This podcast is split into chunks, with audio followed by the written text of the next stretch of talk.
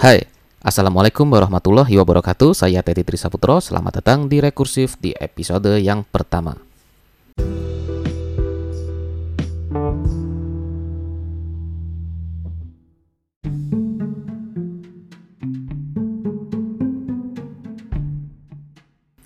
Selamat datang di episode pertama saya di kanal podcast Rekursif.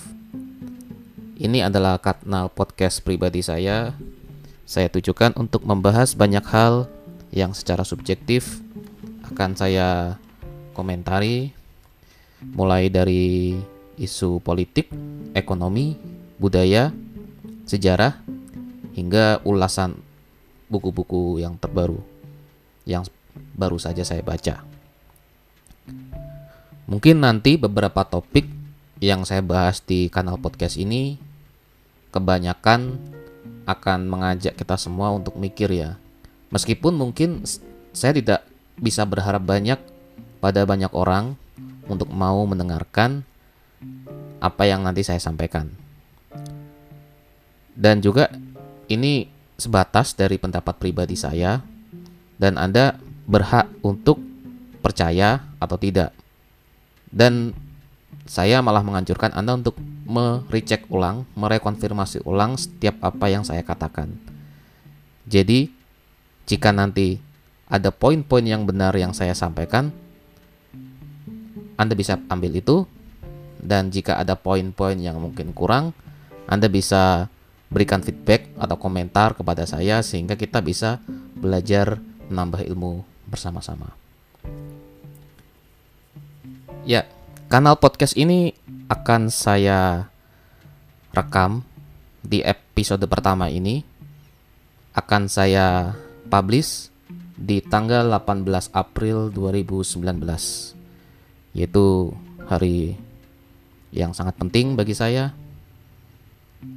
Dan tentu semoga di hari yang penting itu saya bisa menambah banyak ilmu bisa terus berbuat baik dan meninggalkan suatu kelak jika saya meninggalkan dunia ini saya mempunyai legacy, mempunyai warisan yang kelak bisa didengar, mungkin bisa dibaca atau mungkin syukur-syukur bisa dinikmati oleh banyak orang. Entah dalam bentuk apa, saya berharap itu suatu saat seperti itu. Jadi itu adalah tujuan saya mempublikasikan podcast ini. Dan semoga kanal ini bisa memberikan inspirasi untuk Anda. Jika tidak ya saya berharap bisa membukakan tali silaturahmi antara kita. Saya jadi teringat dengan kisah Nabi Ibrahim yang di kala itu dibakar oleh Raja Namrud. Di samping cerita itu, di mana ada seekor semut yang berlarian bolak-balik membawa tetes-tetes air yang ia bawa bolak-balik dari tempat air entah itu di sungai atau di mana dia bolak-balik tuh membawa air itu ke tempat kayu bakar kayu yang membakar Nabi Ibrahim. Dia lemparkan tetes-tetes air itu. Ya memang nggak bisa mademin api. Dan uh, paniknya si semut ini diketawain oleh iblis yang mengamati si semut. Mut kenapa kamu kayak gitu? Percuma bolak bolak balik dari sana sini bawa semut, bawa air. Kamu tahu kan itu mustahil kamu mau mademin apinya yang bakar Ibrahim itu. Si semut menjawab, "Ya, saya tahu yang saya lakukan ini memang tidak bisa atau mustahil bisa memadamkan api yang membakar Ibrahim. Tapi poinnya bukan apakah saya bisa atau tidak bisa memadamkan api, tapi saya butuh meneguhkan diri saya kepada Allah. Saya berada di posisi yang mana? Karena saya berpihak di posisinya Ibrahim, maka semampu saya, saya membawa air yang saya usahakan ini untuk memadamkan api yang membakar Ibrahim. Dan saya tahu air yang saya bawa ini nggak nggak akan mampu untuk memadamkan api yang membakar Nabi Ibrahim. Tapi kan Allah tidak pernah menagih untuk berhasil. Yang ditagihnya adalah apakah kamu sungguh-sungguh atau tidak dalam pekerjaan kamu. Apakah kamu serius atau tidak dalam usaha kamu? Apakah kamu benar-benar berniat dan punya punya kemauan untuk mengerjakan apa yang kamu perjuangkan? Dan Allah tidak akan membebani, melainkan atas apa yang menjadi kemampuan hambanya.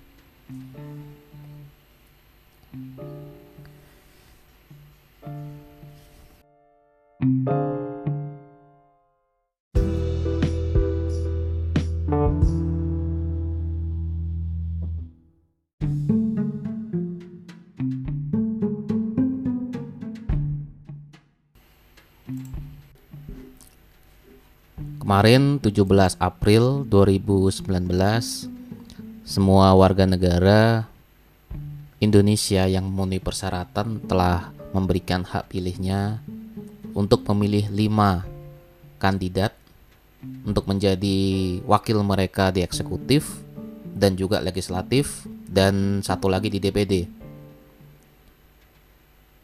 Di media sosial saya lihat banyak pertebaran foto-foto jari yang telah dicelupin ke tinta menandakan mereka sudah memilih. Namun meskipun seperti yang pernah saya bahas dulu, perdebatannya masih seputar tentang milik 01 atau 02. Saya nggak saya nggak ngebahas apakah Jokowi atau Prabowo yang bagus jadi presiden. Sebenarnya saya pernah bahas ini ya bahwa pemilu itu harusnya bukan hanya tentang siapa presidennya. Tapi harusnya yang lebih penting adalah itu memilih calon-calon wakil rakyat yang ada di DPR dan juga DPD. Banyak komplain kinerja anggota DPR selalu buruk dari waktu ke waktu. Target legislasi jauh dari hal jauh dari target yang terpenuhi meskipun sebenarnya kalau dilihat kinerja eksekutif juga nggak bagus-bagus amat dari target undang-undang kinerja yang harusnya dicapai oleh seorang presiden pun sebenarnya banyak yang loss, banyak yang gagal. Bisa bisa jadi cuman mm, 30% yang mampu tercapai oleh Presiden Jokowi. Tapi itu hal lain ya. Yang saya bahas di sini adalah ya wakil-wakil Anda yang di DPR DPRD itu dia nggak diundi, dia dipilih oleh seseorang dan Anda adalah salah satu yang milih. Lalu salah siapa jika sekarang mereka ada di sana? Ya memang salah rakyat juga sih. Karena mereka nggak kritis dalam milih dan uh, ogah-ogahan dalam mengawasin kerja wakil mereka di parlemen. Dan juga memang nggak ada sistem yang membuat mereka dapat mengawasi wakil mereka. Dan nggak ada tanggung jawab juga ketika wakil seorang wakil rakyat, wakil DPR, seorang anggota DPR terpilih dan setelah habis masa jabatannya dan mereka nggak akan pernah menyampaikan pertanggungjawabannya kepada rakyat mereka nggak ngelaporin nih hasil kerja saya selama di DPR, selama di DPRD, selama di DPD ngapain? Nggak ada. Saya nggak tahu ya apakah ada atau enggak, tapi yang diketahui masyarakat banyak itu nggak ada. Ya memang di sisi, tapi di sisi lain partai-partai sebenarnya juga salah karena mereka terbukti gagal untuk mampu merekrut orang-orang yang benar-benar dedicated, bener-bener bagus, bener-bener bibit unggul di negeri ini. Biaya politik yang mahal menyebabkan mereka ambil jalan pintas untuk menarik orang-orang yang sudah terkenal misalnya atau orang-orang kaya yang bisa mendanai kampanye mereka. Jadilah banyak artis, banyak orang kaya, banyak peja banyak pengusaha yang menjadi politisi. Ini bukan masalah apakah mereka layak atau enggak ya, Apakah mereka punya kapabilitas atau enggak? Apakah mereka punya kapasitas atau enggak?